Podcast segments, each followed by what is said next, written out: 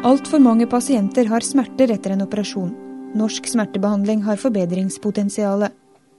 Velkommen til tidsskriftets podkast for nummer 18 2011.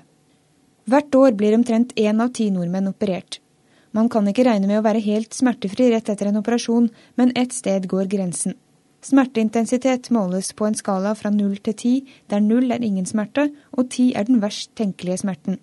Det forteller lege og forsker Olav Magnus Fredheim, som har tatt doktorgrad i smertemedisin. En regner en smerte på én, to eller tre som må være rimelig akseptabelt for en pasient, mens en smerteintensitet på fire eller høyere det er såpass kraftig smerte at det både innebærer et betydelig ubehag for pasienten og at det vil ha negative effekter for pasienten. Fredheim og medarbeidere har i en artikkel i tidsskriftet undersøkt hvor mange pasienter som har smerter det første postoperative døgnet. Blant 215 pasienter ved 14 sykehus hadde 40% hatt en gjennomsnittlig smerte på fire eller høyere.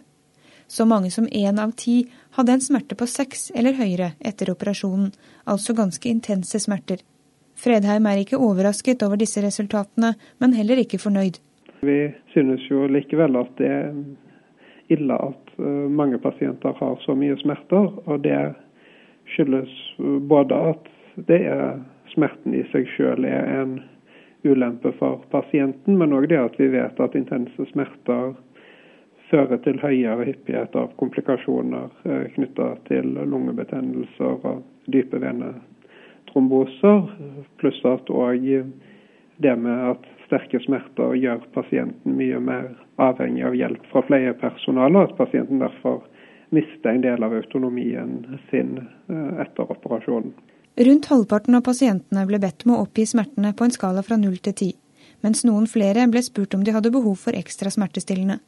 Men alle bør bli bedt om å oppgi smerteintensitet, for det finnes en del pasienter som har så høy terskel for å be om smertestillende at de når både fem og seks på skalaen før de sier ifra. Dette kan både forhindre mobilisering og øke faren for komplikasjoner.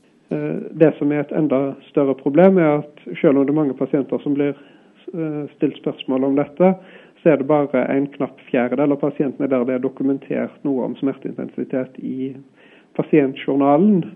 Det gjør at det er svært vanskelig for de neste eh, sykepleierne eller legene som kommer på jobb, å følge med på om det er en positiv eller negativ utvikling i pasientens eh, smertesituasjon.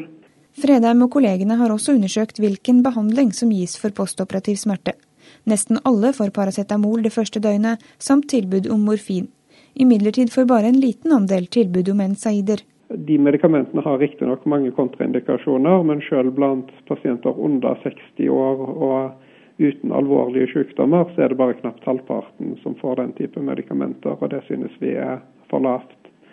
Vi ser òg at det er bare en liten andel som får uh, steroider uh, i forbindelse med operasjonen, og det er òg et medikament vi synes at burde bli brukt mer rutinemessig.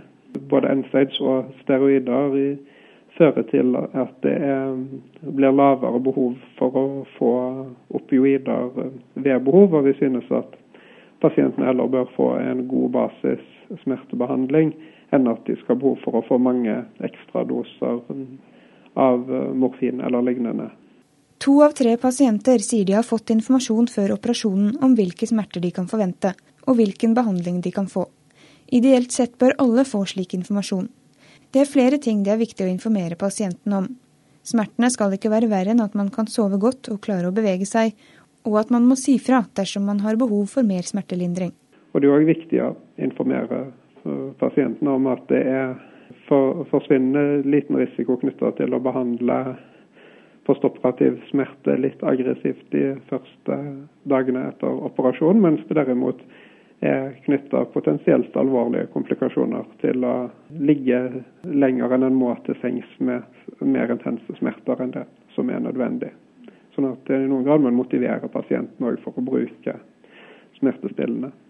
Fredheim og medarbeidere mener altså det er to viktige forbedringsområder i forhold til smertebehandling i norske sykehus. Det ene er å få en bedre basisbehandling av smertene og utnytte bedre det som kalles multimodal analgesi. At vi mener at alle pasienter bør, så sant det ikke er kontraindikasjoner, få både paracetamol og et NSAID og et uh, glukokortikoid, og gjerne lokalbedøvelse i operasjonssvaret. Uh, det vil redusere behovet for ved-behov-medisiner. Der ser vi at det er mye å hente. Samtidig så mener vi at den andre tingen som er mest avgjørende, det er å ha bedre rutiner på både oppvåkningsavdelinger og vanlige kirurgiske sengeposter for å kartlegge og dokumentere smerteintensitet. Fredheim er førsteforfatter på to artikler om postoperativ smerte i tidsskriftet. I tillegg har professor Johan Reder skrevet en lederartikkel om samme tema. I tidsskriftet nummer 18 kan du også lese flere artikler i serien om global helse, og vi har bedt sju leger om å dele sine tanker og erfaringer etter terrorhandlingene 22.07. Jeg heter Eline Feiring. På gjenhør.